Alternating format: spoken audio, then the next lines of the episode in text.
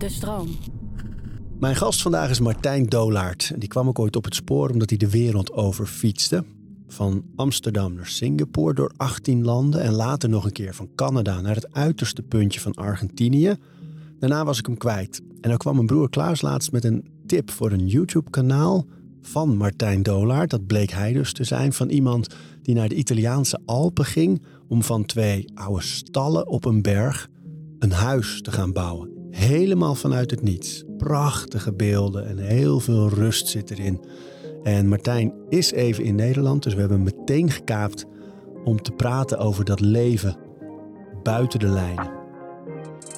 Wat is een mens zonder houvast in zijn manier van leven? En ieder heeft een handvat en eigen rituelen. Orde in je hoofd zodat alles te overzien is. We praten over routines. Ik kan me nog herinneren in een bos in Duitsland en dan hoor je rare geluiden. En dan lig je voor de eerste, het is een beetje de eerste nachten dat je in je tentje slaapt.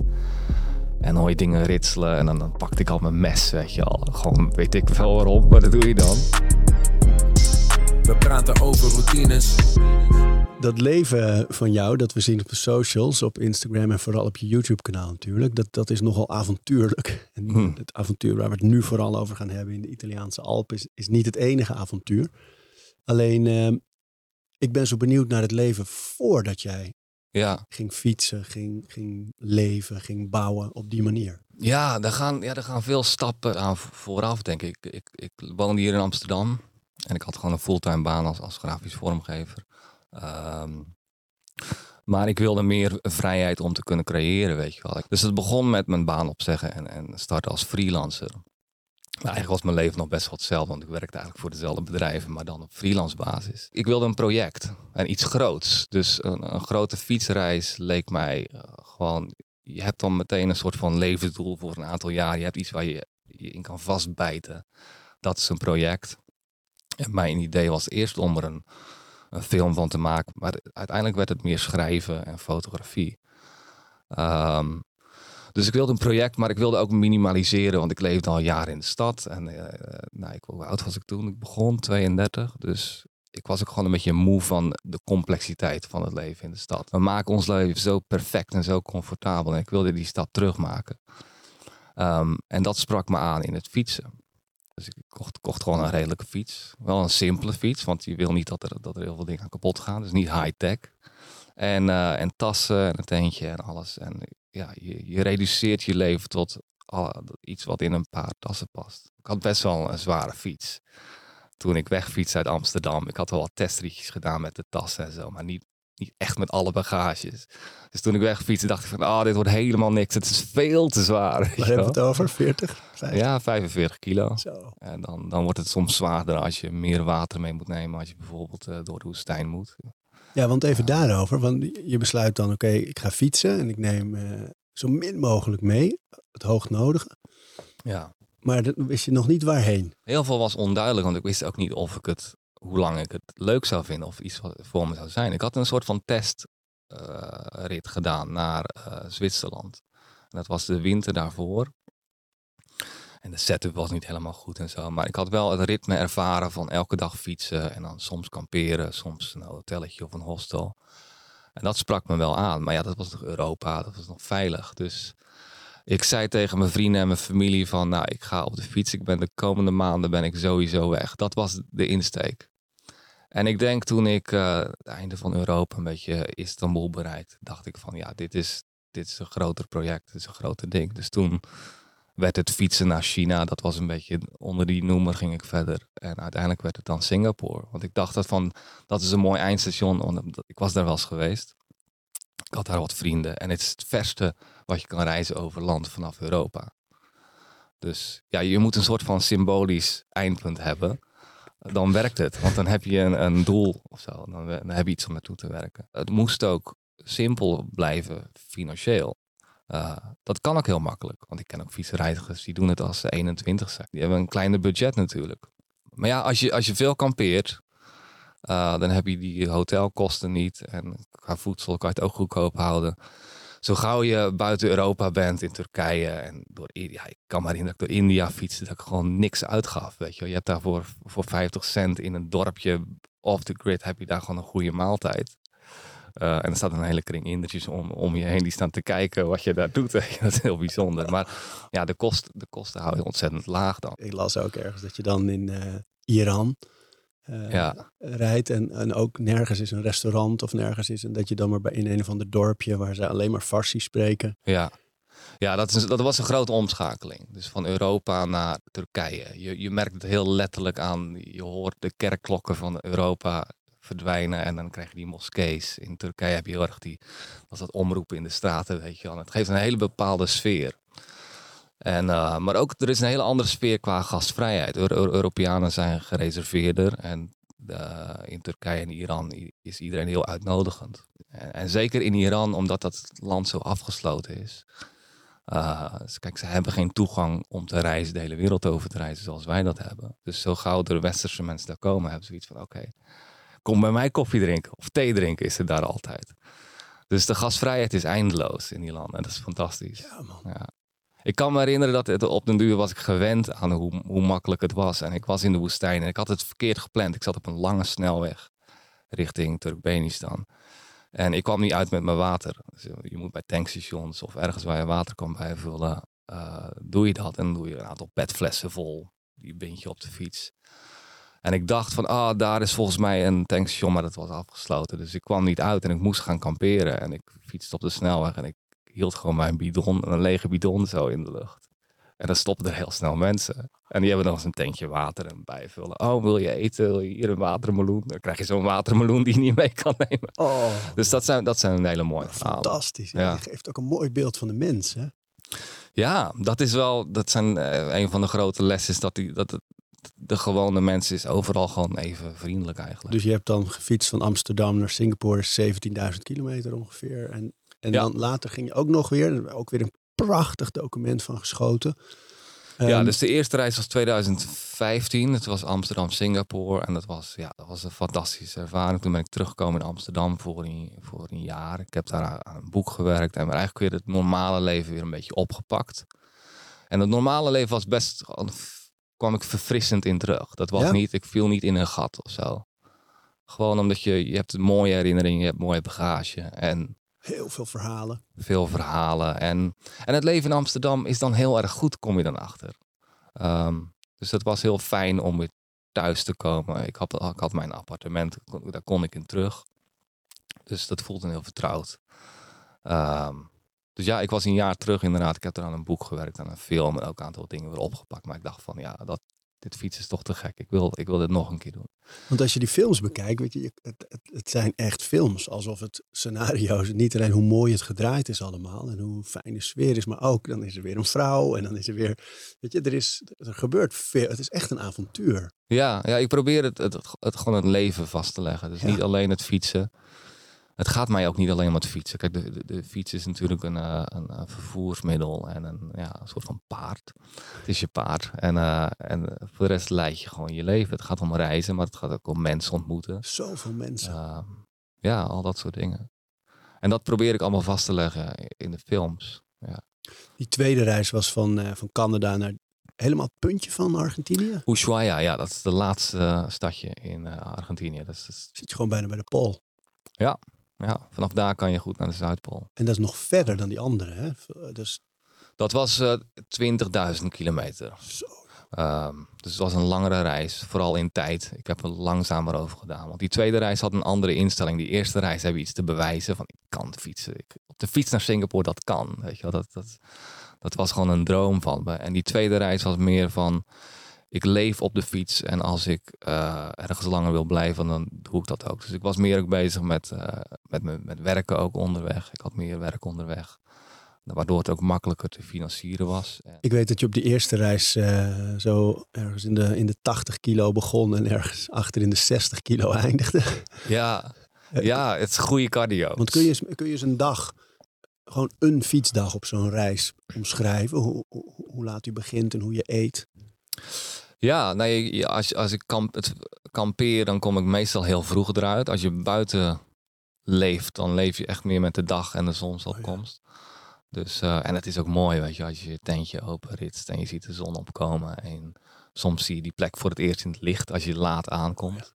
meestal fiets je de hele dag en ben je nou, vanaf 6, 7 of 8 uur kampeer je dan. Meestal ga ik dan eerst even, uh, was ik mezelf. Mijn douche was meestal een halve liter een bidon. En als het koud is, dan warm ik die op. Dan heb je een warme douche. Heel simpel. Uh, je kookt wat eten en dan uh, maak ik vaak een wandeling. Als het hele mooi uitzicht is, dat de natuur is mooi, ga ik vaak foto's maken.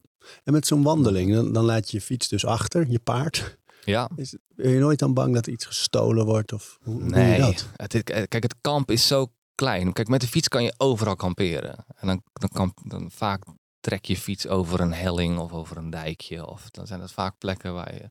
Het is zo makkelijk, omdat je, je hebt, ik heb een heel klein tentje. Kijk, met de auto is dat een heel ander verhaal. Die, kan, die moet je ergens parkeren. En een fiets die trek je gewoon uh, ergens de berm in, bij wijze van spreken. Maar dit is Dus, zo eh, mooi, hè? want je hebt dan alweer zoveel obstakels geslecht eigenlijk die wij... Dus als ik bijvoorbeeld op een strand ben ergens en we gaan met z'n allen de zee in... dan maak ik me die eerste minuten heel erg zorgen om mijn tas met mijn telefoon en mijn portemonnee... die daar Ja. alleen op dat strand ligt. Van, terwijl daar... Iedereen doet dat, maar Ja, het lijkt me zo bevrijdend ook wel. Om dat allemaal, die gevoelens allemaal achter je te laten. En gewoon te denken, ja, dit is mijn fiets, dit is wel alles. Maar ik ga nu wel gewoon wandelen. ja. Ja je, ja, je hebt ook geen keus. Kijk, en, en op die kampeerplekken, ik, ik wild kampeer altijd. Dus dat is... ehm, dus daar zijn dan vaak ook geen mensen op het uur dat je gaat kamperen. Ehm, er is eigenlijk nooit iets gejat. Een fietslampje in India. Dat is het enige wat ik kwijt ben. En mijn, mijn fiets was in Mexico City gejat. Dat was eigenlijk... Maar dat was meer in het, het dezelfde manier dat hier je fiets om de hoek gejat wordt, weet je Ja, wel. ja. Ehm, dat was ook zonder mijn bagage en dat is uiteindelijk weer goed gekomen. Ik heb een nieuwe fiets gehad. Maar voor de rest, zeg maar, in het dagelijks leven van het fietsen onderweg is er nooit iets. Nee, en ook maar, ik geloof dat op die reis naar Singapore maar zeven keer een lekker band of zo, hè? Ja, is Ja, dat zijn best ja. goed. Goeie fiets. En het eten, dat je, je neemt dingen mee, neem ik aan, maar daarna is het gewoon on the go. Je, dan Ja. eet je maar gewoon met de cultuur mee, altijd. ja, dat is dus heel afhankelijk van waar je bent. Ehm, ik denk in het westen ben je ook wat meer, als je dan naar restaurants gaat, dan wordt het duur natuurlijk. Dus dan doe je meer boodschappen en dan kook je meer zelf. In ieder geval, zo was het voor mij. Maar ja, zo gauw in, in, in, Turkije en Centraal-Azië, dan pak je een restaurantje langs, langs de weg. En ook in eh, landen als Ecuador, in Peru en zo, was het eten altijd gewoon heel goed. Krijg je altijd van de traditionele, krijg je een, een bord soep, een, eh, een, een, een, een brak, zeg maar, aardappels, stuk vlees, een beetje groente, verse vruchtensap voor 2,50 dollar, weet je wel. Dus dat is, eh, dus ja, dan ga je ook niet meer zelf koken. Dan is het gewoon eten, is gewoon het. En de smaken zijn rijk dan, denk ik. Ja, Als je ja. zoveel beweegt en fietst in die buitenlucht en dan zo'n lekkere maaltijd. Ja, het is voedingsrijk eten. Het is geen luxe eten. Het is wat je, wat je thuis krijgt. Gewoon niet bijzonder, maar goed. En had je nooit dat je dan bijvoorbeeld in India iets op de straat eh, koopt en, en heel erg ziek werd? Ja, in Turkije kan ik me een paar dagen herinneren. Ja, dan ga je even naar een hostel, een hotel, even uitzieken. Meestal duurt het niet langer dan drie, vier dagen dat je eh, van je padje af was. Eh, ja, dat gebeurt ook. Ja, eh, lijkt- ik vind het zo mooi dat je zo in zo'n andere modus zit. Waar wij altijd op reizen toch altijd bezig zijn met de dag. En morgen moeten we dit en overmorgen. En dan vertrekken we daar weer. En dat je nu gewoon zegt, nou, dan ben je even drie, vier dagen. Ben je, ben je Ja. er niet. En dan kan je niet reizen. En dan ben je even ziek. En dan- Ja. daarna ga je weer verder kijken. ja, dat hoort erbij. En traag reizen, de, de traagheid, het, dat is een beetje een paradox. Hoe trager je reist, hoe meer je ziet. Terwijl we als wij reizen, en we hebben vaak, als je gewoon een baan hebt, dan heb je vaak een paar weken dat je weg kan. Of een weekendje ga je weg naar de stad. En dan werk je een lijst af, dan wil je heel snel. Maar het is juist als je langer op één plek bent, en dan gaat het meer om de details dan de hotspots, weet je wel. De meeste mensen reizen van A naar B. Maar op de fiets ben je constant tussenin A en B. En daar gebeurt ook heel veel. The journey is the thing. Zeker, ja. En, en gevaar. En ben je ooit bang op zo'n reis? Ja. Ja, ik dacht erover na, over kamperen. Dat, dat vragen mensen vaak van, ja, maar vind je dat niet eng, eh, kamperen? En eh, ja, als je begint, vond ik dat wel eng. Ik, gewoon, ik kan me nog herinneren in een bos in Duitsland en hoor je rare geluiden. En dan lig je voor de eerste, een beetje de eerste nachten dat je in je tentje slaapt. En dan hoor je dingen ritselen en dan, dan pakte ik al mijn mes, weet je al. Gewoon, weet ik wel waarom, maar dat doe je dan. En dan, eh, dan doe je de tent open en dan merk je dat er een briesje is gekomen. Wat een beetje met de tentdoek speelt, weet je wel. Maar je wordt soms helemaal panisch. En, ehm, Maar ik heb ook in, in bossen geslapen in India waar slangen zitten en tijgers. En daar was ik ongeveer even bang. Als je een grote stap maakt, dan is die eerste grote stap heel moeilijk. Maar de tweede grote stap, daar denk je van oké, ja, ik kan dit. Het gaat, gaat me wel lukken. Dan, dan kom je er wel overheen. Dus uh, ja, het, het, moeilijke is vaak beginnen met, met iets groots, met iets nieuws. Dat kon ik me ook met mijn baan opzeggen. Ik had 4,5 jaar een fulltime baan. En dan moest ik een afspraak maken met de creative director om haar te vertellen van uh, ik, ga er, ik ga vertrekken. Nou, ik, ik ging helemaal kapot. Nou, nee, vandaag, vandaag ga ik het doen. Het was heel moeilijk, omdat je gewoon vast zit en je bent bang voor het onbekende. Je bent bang voor ja, of het wel kan. Je wil als maker vrij zijn. Is, is, gaat dat breder dan dat je zelf wil creëren in plaats van vanuit een opdrachtgever? Is het, is het ook dat gevoel van ik wil vrij zijn in wat ik wel en niet kan, wel en niet durf? Ja, en dat vrij zijn heeft ook te maken met dat ik eigenlijk niets plan. Dus ik, ik ehm, volgens mij is maken iets, is reageren ook constant op je eigen maaksels. En dat is volgens mij de groei ook, weet je wel. Dat is, als grafisch vormgever moet je dingen constant bedenken. En dan moet je weer kind worden. Je, je hebt een bepaalde impulsiviteit nodig om echt goede dingen te maken. Uh, in het begin moet je een beetje aan kunnen kloten. En, laat, en dan creëer je iets impulsief. Dat je ook vaak maak je dingen van, ja, dat gaat niks worden. Maar dan heb je dingen op tafel en daar kan je mee verder. Dus dat, dat het begin is heel erg belangrijk. En daarop reageren. En daar is die vrijheid voor mij heel belangrijk voor. Dus dat ik gewoon echt op elk moment van de dag kan doen wat ik wil en wat ik belangrijk vind.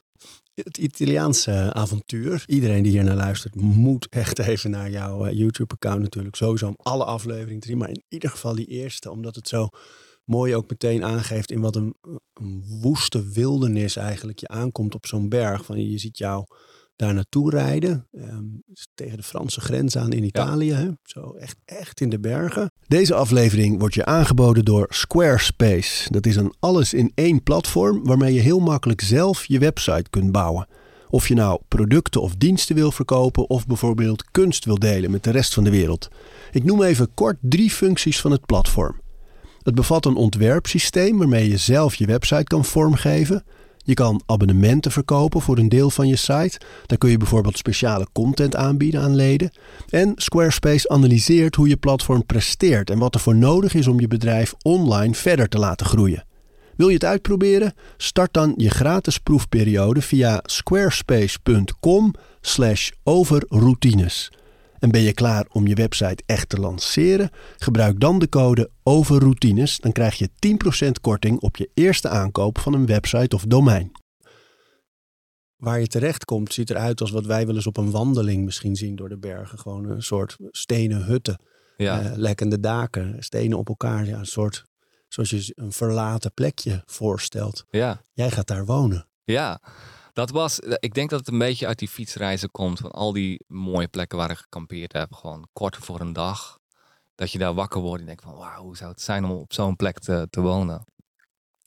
En dus met die insteek wilde ik, uh, ja, wilde ik zoiets gaan doen als een project. Maar gewoon ook om, om een plek te hebben in de natuur. Om de natuur te ervaren, om buiten te wonen. Omdat ik, ja, dit zijn twee uh, stenen schuren eigenlijk. stallen, waar, daarvoor werden die gebruikt.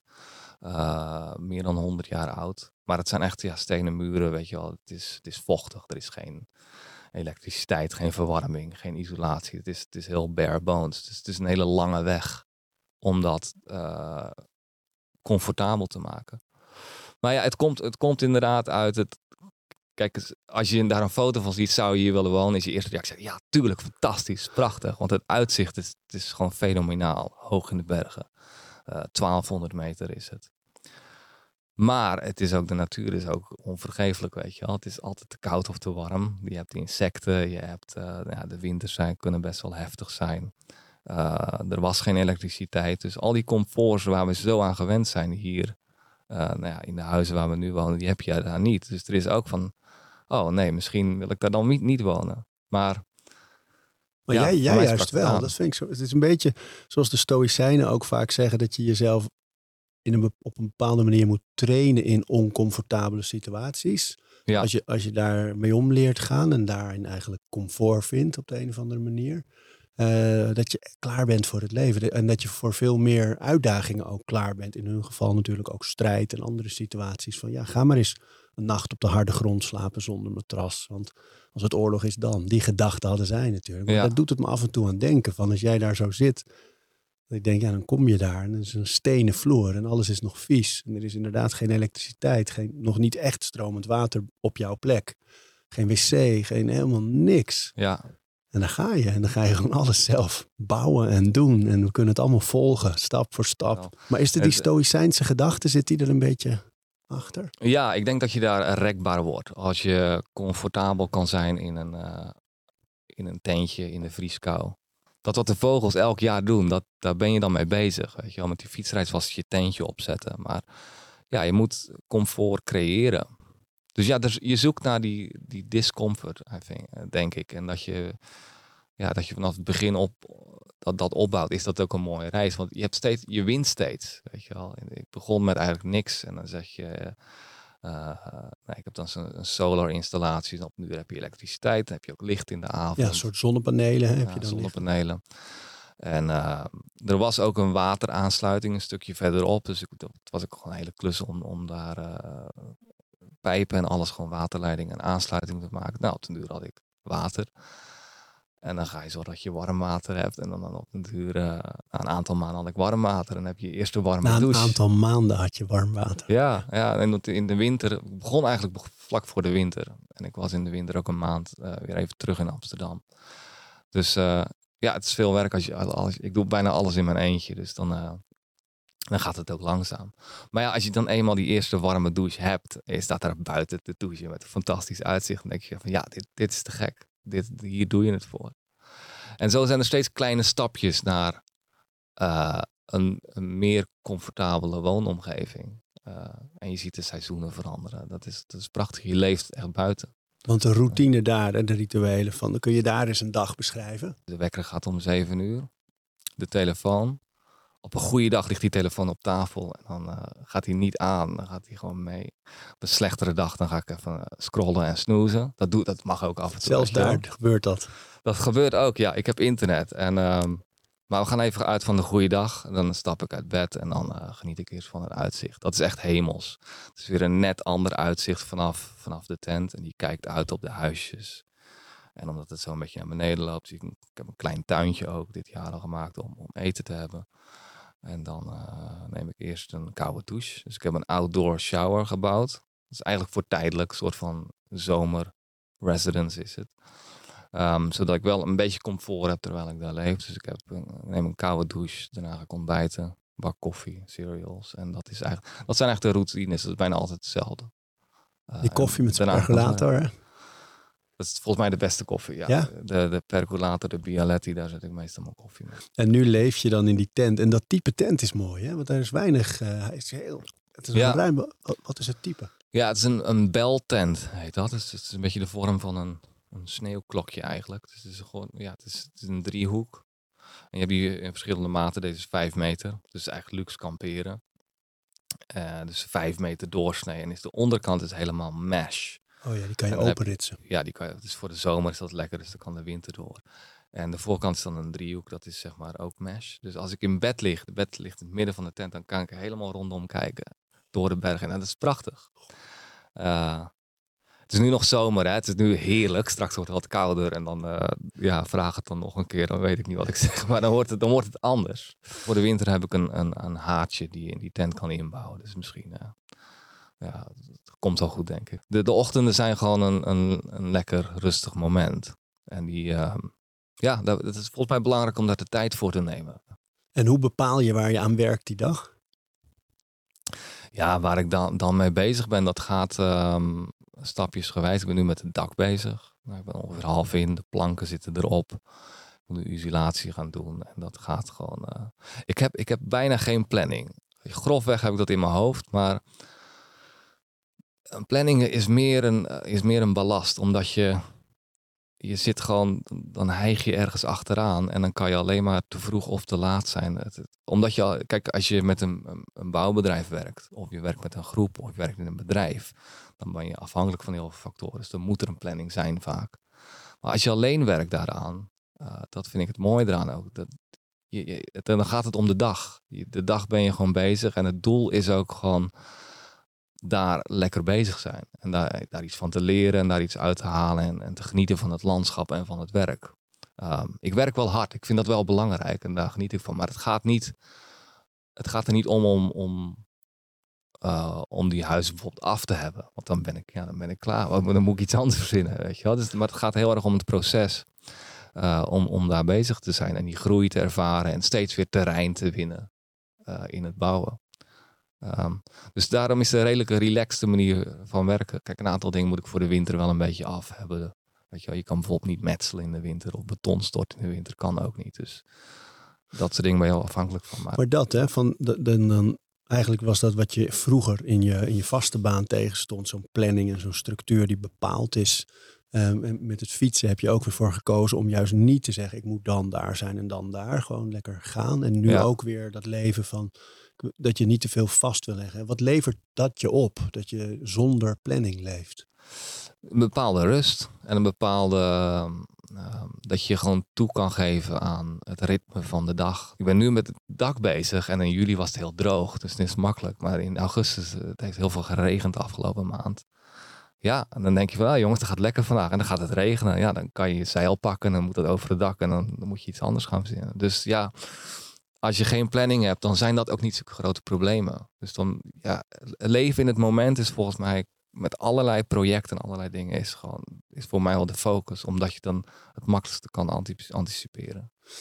Denk je ook dat het, het succes van jouw YouTube kanaal, dat echt explosief groeit in, eh, in abonnees, ook is dat het als een soort tegengeluid voelt allemaal. Van de, de, de red race waar de meeste van ons in leven. Het gaan, gaan, gaan. Uh, presteren, efficiënt leven. Ja. plannen, structuur. Ik moet dat, ik moet dat, ik moet... Alles staat op shuffle. En, en, jij neemt de tijd en je leeft bij de dag. En je bent prachtige dingen aan het doen. Je maakt iets moois. Het lijkt bijna, denk ik, voor mensen ook wel een vlucht om even naar jouw kanaal te gaan. De filmpjes die ik maak, dan gaat het om de traagheid en het gaat om eenvoud. Uh, ik ben er heel bewust mee bezig ook dat die filmpjes ook eenvoudig blijven. Want omdat zo'n renovatie kan ook ingewikkeld worden. Op den duur wordt het, kan het ook een beetje een bouwput en een rommel worden. En die momenten komen er ook wel. Maar het gaat om het simpele en de natuur zien. Uh, en dat is het mooie van die, van die huisjes, denk ik. Omdat het, zij hebben die huizen gebouwd met de stenen die daar op de grond lagen, bij elkaar gesprokkeld. Met de kastanjebomen die daar geoogst zijn en geveld. En je ziet ook die oude balken, dat, zijn gewoon, dat is gewoon een kronkelende boomstam. Die eenvoud spreekt mensen aan. Dat is een bepaalde esthetiek die begrijpelijk is. Weet je, het is niet een huis die nu gebouwd wordt. Als je hier om je heen kijkt in die studio bijvoorbeeld. Je ziet zoveel materialen en dingetjes die komen over de hele wereld. En daar is die eenvoud van de natuur. En ik denk dat mensen dat aantrekkelijk vinden. Naast dat het langzaam is. En gewoon, je hoort de geluiden van de natuur. En dat is, ja, voor veel mensen is het heel ver weg als je in de stad woont. En draai je alles zelf? Ja, de setup is heel simpel. Ik heb een één camera op een statief. En uh, ik heb een drone. Die gaat af en toe de lucht in. En dat is het. En die camera gaat, gaat, ja, die gaat de hele dag ga ik gewoon mee. Ja, want jij noemt nu het woord simpel en net al, het moet eenvoudig zijn. Alleen het, het oogt juist als een film. Gewoon echt helemaal mooi geëdit. Eh, schitterende shots. Voortdurend ook ja, wat ze in, in, in, televisie en film vaak die plakshots zo tussendoor. Een kloosje van dit en een kloosje van dat en een paddenstoel en een ja. gistend brood. En, weet je, er is, het is zo mooi gemaakt. En dat doe je dus ook allemaal zelf. Ja, dat doe ik allemaal zelf, ja. Ik heb, ik heb een hele simpele workflow, dus dat je snel kan werken. Want er komt elke week een film uit. En meestal, ik film heel de week door. Ja, 40 uh, minuten ongeveer. En dan ga ik meestal op zaterdag of zondag heb ik een editdag. Dan maak ik in één keer een edit en dan neem ik, heb ik, ga ik iets anders doen. Dan kijk ik het nog terug. Dan fine-tune ik. En dan is het klaar. Dus het, is, uh, het moet snel gebeuren. Maar omdat ik het vaak doe, um, dan gaat, gaat, het ook redelijk, redelijk snel. In het begin ben je nog iets meer bezig met een format. Maar nu is dat heel duidelijk. Dus het, ja, het gaat best wel snel. En daar kan ik me dan nog van voorstellen dat het aansluit bij uh, je baan hè, van vroeger. Ja. Uh, dat type werk een beetje. maar al die andere dingen met je handen, het bouwen en het, het dat je een waterleiding bouwt van een waterpunt naar je huis en een, en een, uh, een outhouse, een, ja, zeg maar, hè, de, de wc buiten. Long drop, ja, er zijn heel veel synoniemen voor de... voor de... um, en uh, weet je, dat je al die dingen kan. Was dat al zo of heb je dat gaandeweg geleerd? Ja, dus het begint met YouTube, googlen, andere filmpjes kijken. Uh, dit vind ik ook Bel ik mijn broer even, dat is een bouwvakker. Ah. Dus die weet een paar dingen. Maar dit vind ik ook mooi, dat jij... Er zit zoveel techniek toch ook in jouw leven. Terwijl als je de film kijkt en ook hoe je eruit ziet uh, op beeld. En nu met je baard, maar ook vaak die hoed en die bepaald type kleding. Het, het, voelt alsof we naar een andere tijd zijn gegaan. En tegelijkertijd ben je heel erg van deze tijd met de panelen en de wifi. En de, ja. het is, er zit een hele mooie, maar ook fascinerende tegenstelling ook een beetje in. Ja, ik, ik, ik, ik pak de, de, de, luxe. Ik gebruik uh, ook een uh, afkortzaag, weet je, als een elektrische zaag. En soms. Uh, maar je probeert het simpel te houden. Kijk, je hebt sommige gereedschap nodig om precies te werken of snel te werken. En dat is een beetje, ja, de ene keer ga je daarvoor, de andere keer daarvoor. Maar het is een versimpeling van het leven. Dat is wel wel een thema. Maar het is ook een dialoog die ik met mezelf heb. Ik denk er ook over na van, oh, ik moet dit gaan, ik moet straks een vloer gaan maken. En die moet wel echt gewoon glad zijn, die moet gewoon mooi zijn. En daar heb je bijvoorbeeld zo'n planer voor nodig, weet je Dat is zo'n bank waar je een plank in gooit en dan komt er een prachtige plank uit. En met een handschaaf kan dat ook, maar dat is, uh, ja, dat is heel hard werken en het is ook moeilijker. Maar dan denk ik toch van, ja, die handschaaf, het moet het dan worden. Omdat dat toch, dat geeft voldoening. Het is fijn om te doen. Het duurt langer, maar de, de tijd maakt niet uit, want die is er gewoon. Uh, wat, ik, heb, ik heb niets anders te doen. Dit is nu mijn project. Dus, oh, die is mooi ook zeg, want dat is eigenlijk inderdaad wat wij zo vaak doen. Dat we omwille van de tijd die we kunnen besparen, tijd is geld, ja. kiezen voor snelle oplossingen. Terwijl jij nu eigenlijk zegt, als die tijd geen factor meer is, neem je hele andere beslissingen. Ja, ja efficiëntie, dat is zo'n groot ding in deze tijd. Dat alles snel moet. Of alles moet goedkoop. En, ja, je moet soms gewoon erover nadenken, wat, wat wil je nou precies? Waarom wil je dit? En ehm, als ik er weer even terug ga naar die essentie. Ik, ik doe dit om daar te bouwen. Uh, en een zaag en elektrische power tools, die zijn vaak rumoerig. je, er is ook een bepaalde voldoening in dat het snel gaat. Maar het gaat er toch om dat je, dat je gewoon lol hebt in, in, je, in het werk wat je doet. En als dat langer duurt, moet het dan niet geven. Dus ja, daar probeer ik steeds naar terug te gaan op een gegeven moment komen er ineens allemaal vrijwilligers die jou op YouTube volgen. En die je gewoon hebben gevraagd eigenlijk van mogen we misschien een keer even meehelpen een tijdje. En dan wordt het ook weer een soort dat soort film van ineens een heel gezelschap. Deed ook een beetje denken aan Big Little Farm, die mooie docu over die mensen die uh, in een, een ruw, uh, een beetje ja, uh, dood gebied weer een oh prachtige oh, boerderij opbouwen helemaal. Met alle leven die erbij hoort. En daar komen ook ineens allemaal, allemaal mensen meehelpen. Dat had ik hier ook een beetje. Allemaal van die jonge types. Dat is wel leuk. Ja, het Zijn, vaak, zijn vaak jonge mensen. En um, ja, dat komt natuurlijk doordat het YouTube-kanaal goed gaat. En de mensen denken dan van... Er zijn heel veel mensen die het bekijken en die denken van... Uh, die vinden het, spreekt het aan. Die ja. van, oh, dat is een leuke vakantie. En zeker voor jonge mensen. Dus in de zomer inderdaad, afgelopen zomer heb ik wat meer hulp gehad. Uh, soms is het ook echt nodig. Uh, die, schuren hebben stenen daken en daar liggen enorme grote stenen op, van die soms 2 tot 300 kilo zijn. Nou ja, hoe krijg je die eraf? Dan moet je, daar heb je een paar sterke jongens voor nodig. Dus het was heel leuk. En dat, uh, dus er zijn een paar groepen geweest. Vaak zijn mensen op reis en die denken van, oh, ik kom, kom even helpen. Dus dat was heel leuk. En dan is het ook dan is het een heel andere dynamiek. Ik hou erg van de stilte, om daar alleen te werken dat is het meestal zo. En, eh, maar soms is het ook leuk om samen met mensen te koken. Je hebt een heel mooi plekje daar uh, om een vuur te maken. En dan gaan we barbecuen. En is het gewoon gezellig met een groepje. Uh, en die komen dan voor een paar dagen en heb je leuke gesprekken. En dan gaan ze weer verder. Dus ja, die dynamiek is, is wel heel erg leuk. Ja. Um, vertel eens over die paddenstoelen.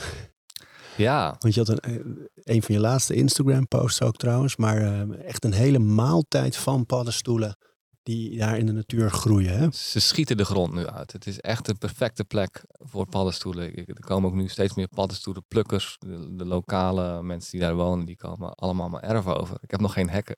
dus dus eh, nee, maar er groeit heel veel. En ik weet er zelf nog niet zoveel van. Maar ik had iemand op bezoek, die, die hielp mij voor een paar dagen. Uh, en die wist er meer van. Dus we waren aan het timmeren en hij was een wandelingetje aan het maken. Zei, hey Martijn, kijk hier.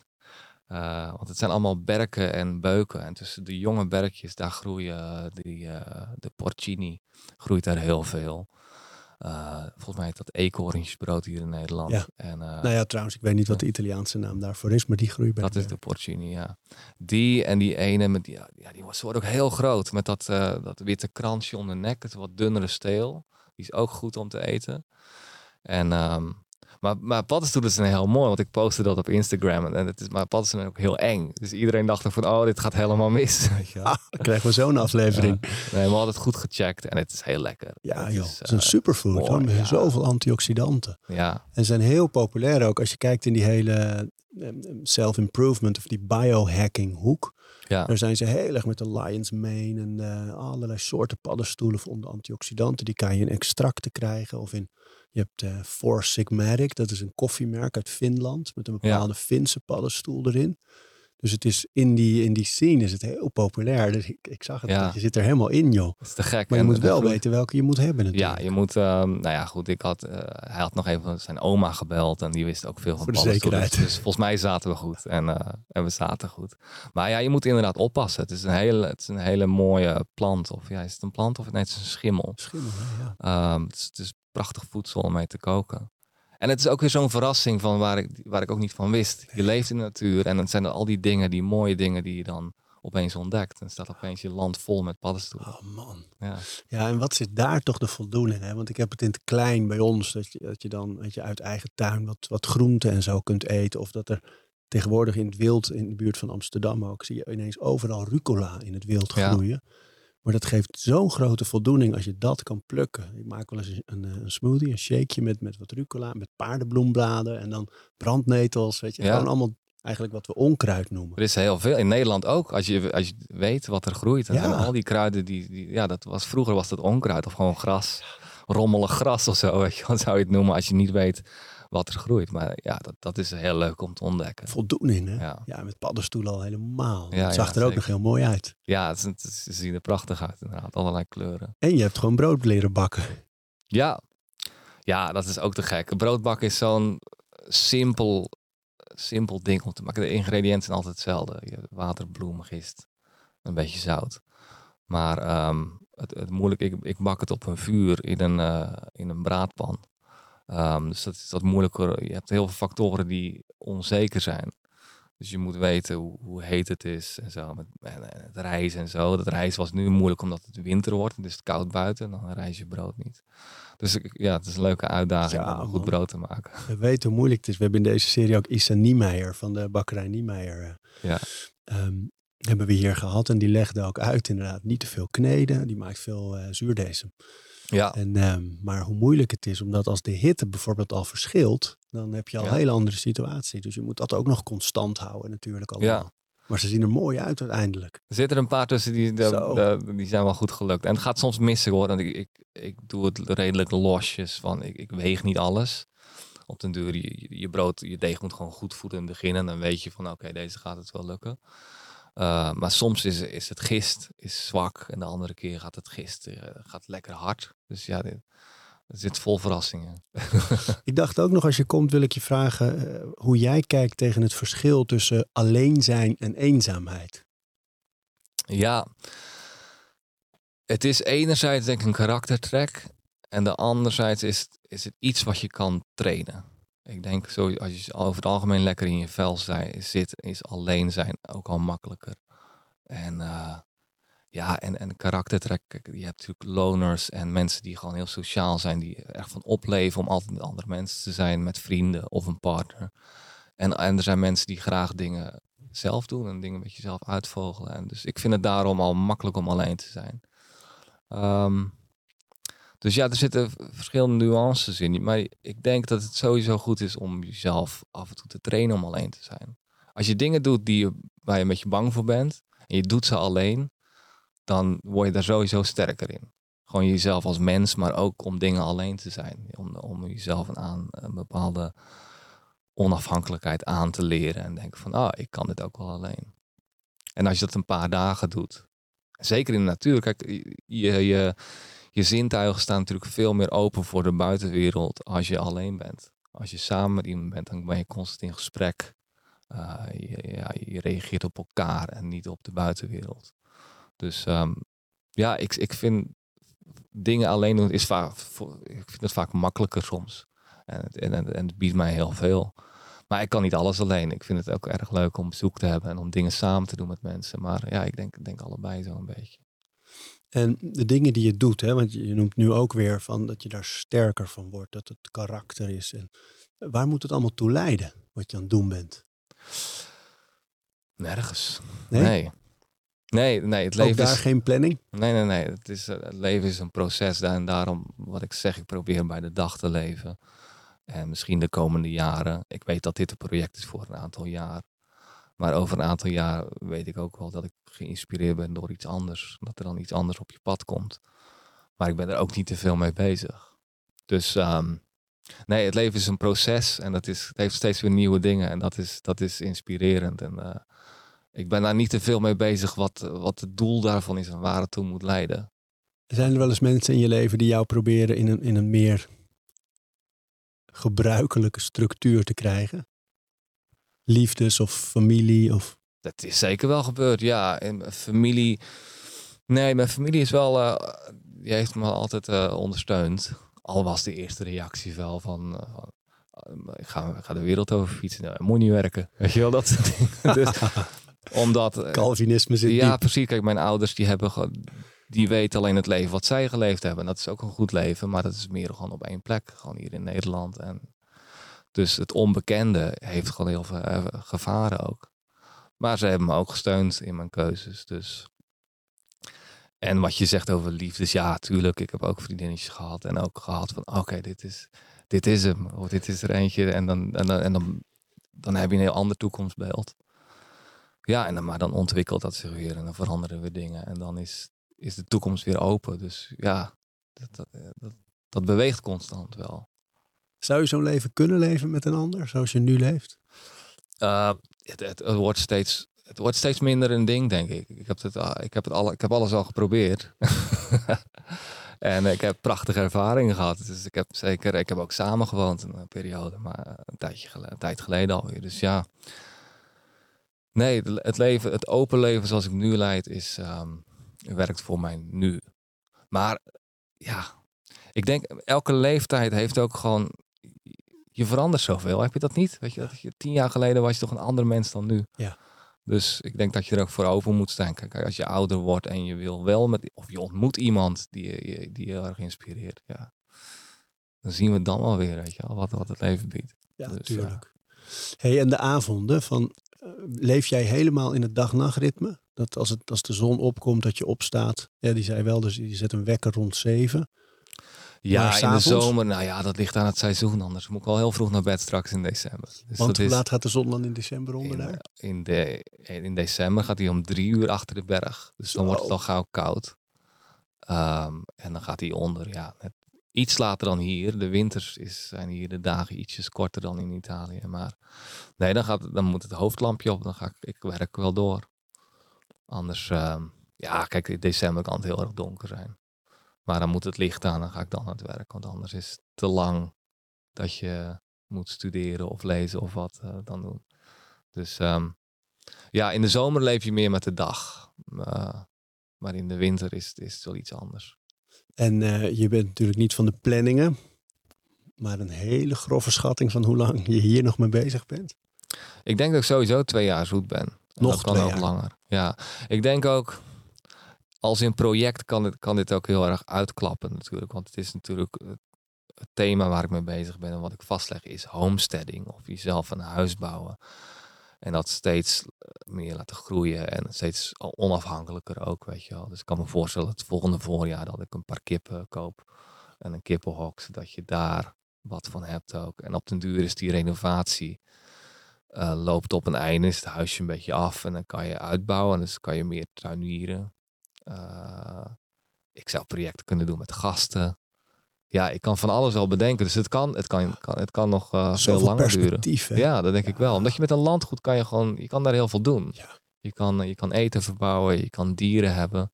Denk je ja. ook niet dat dat soms... Ik denk daar zelf ook veel over na sinds wij zijn de stad uitgegaan naar een boerderij, net buiten Amsterdam, bij Opkoude.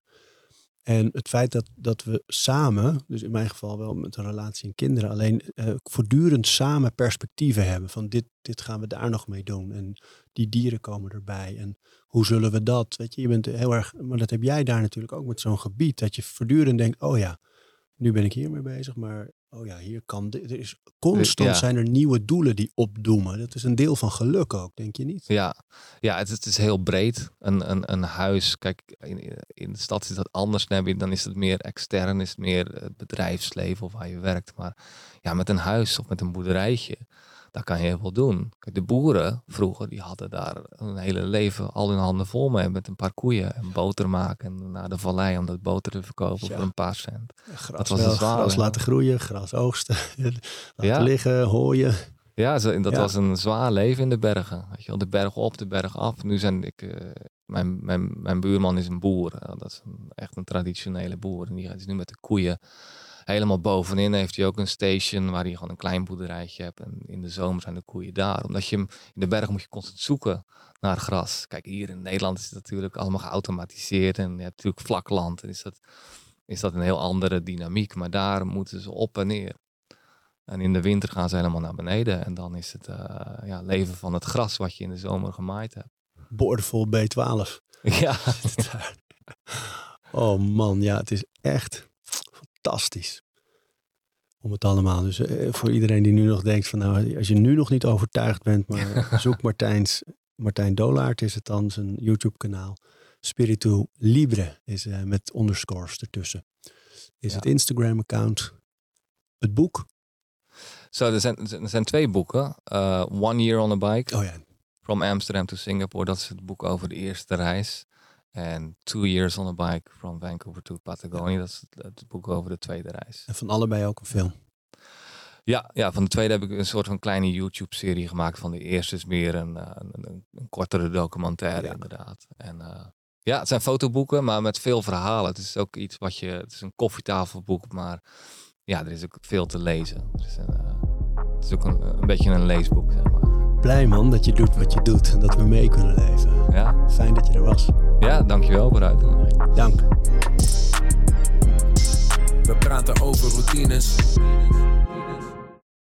Dankjewel voor het luisteren. En voordat je weer doorgaat naar andere dingen, wil ik je nog even wijzen op Over Inspiratie. Dat is het mailtje dat ik elke donderdag rondstuur met drie tips. Dingen waar ik zelf veel aan gehad heb. Het kunnen producten zijn, artikelen die ik gevonden heb online, onderzoeken uh, Instagram-accounts, podcasts, boeken, van alles eigenlijk. En ik denk dat je daar zelf ook veel aan kunt hebben. Dus vind je het leuk om dat mailtje elke week te ontvangen? Dan kun je je opgeven op ariboomsma.nl onderaan de pagina. Dan krijg je voortaan elke donderdag in je mailbox over inspiratie.